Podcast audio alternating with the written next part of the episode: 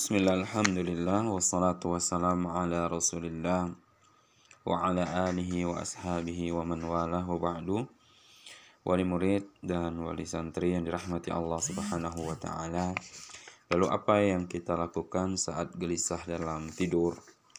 Bagi mereka yang uh, gelisah dalam tidur dan kemudian terbangun di malam hari hendaknya dia segera berzikir mengingat Allah Subhanahu wa taala Hal ini berdasarkan riwayat dari Ubadah bin Samit radhiyallahu anhu. Nabi sallallahu alaihi wasallam bersabda Siapa yang terbangun di malam hari kemudian membaca la ilaha illallah wahdahu la syarikalah lahul mulku wa lahul hamdu wa huwa ala kulli syai'in qadir. Alhamdulillah wa subhanallah ولا إله إلا الله والله أكبر ولا حول ولا قوة إلا بالله Tidak ada ilah yang berhak diibadahi dengan benar selain Allah Subhanahu wa taala semata. Tidak ada sekutu baginya, baginya segala kerajaan dan baginya segala pujian. Dia Maha Kuasa atas segala sesuatu. Segala puji bagi Allah. Maha suci Allah dan tidak ada ilah yang berhak diibadahi dengan benar selain Allah dan Allah Maha Besar tidak ada daya dan kekuatan melainkan dengan Allah Subhanahu wa taala. Kemudian eh, hendaknya berdoa Allahumma gfirli ya Allah ampunilah aku. Allahumma gfirli ya Allah ampunilah aku.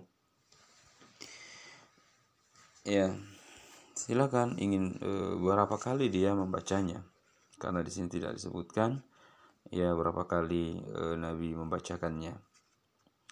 Kemudian e, jika yang terjadi ketika itu adalah mimpi buruk, ya lalu apa amalan yang dilakukan?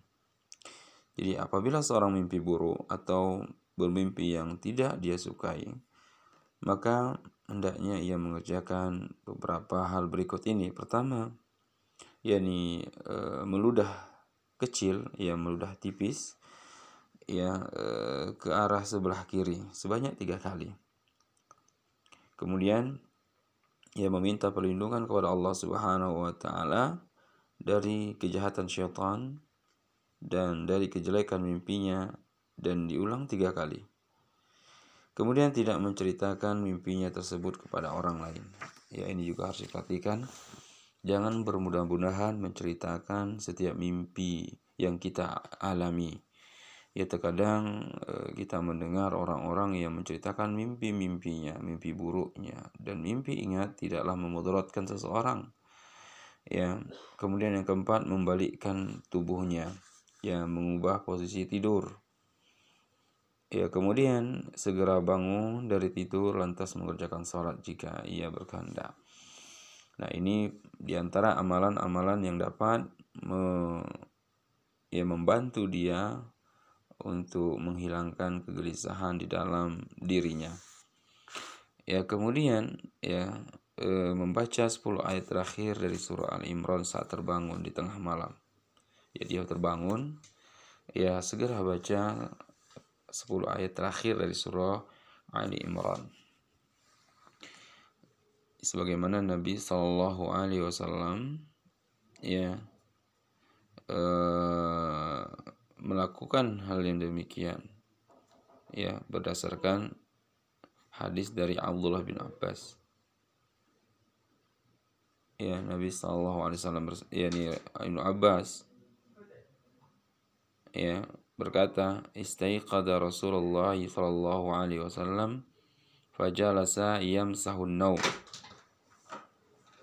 an wajhi biyadihi thumma qara' al-ashra al-ayati al-khawatim min surati Ali Imran. Ya Rasulullah SAW terbangun Lalu beliau duduk, seraya mengusap sisa-sisa bekas tidur dari wajah beliau dengan tangannya, kemudian membaca 10 ayat terakhir dari surah Ali Imran.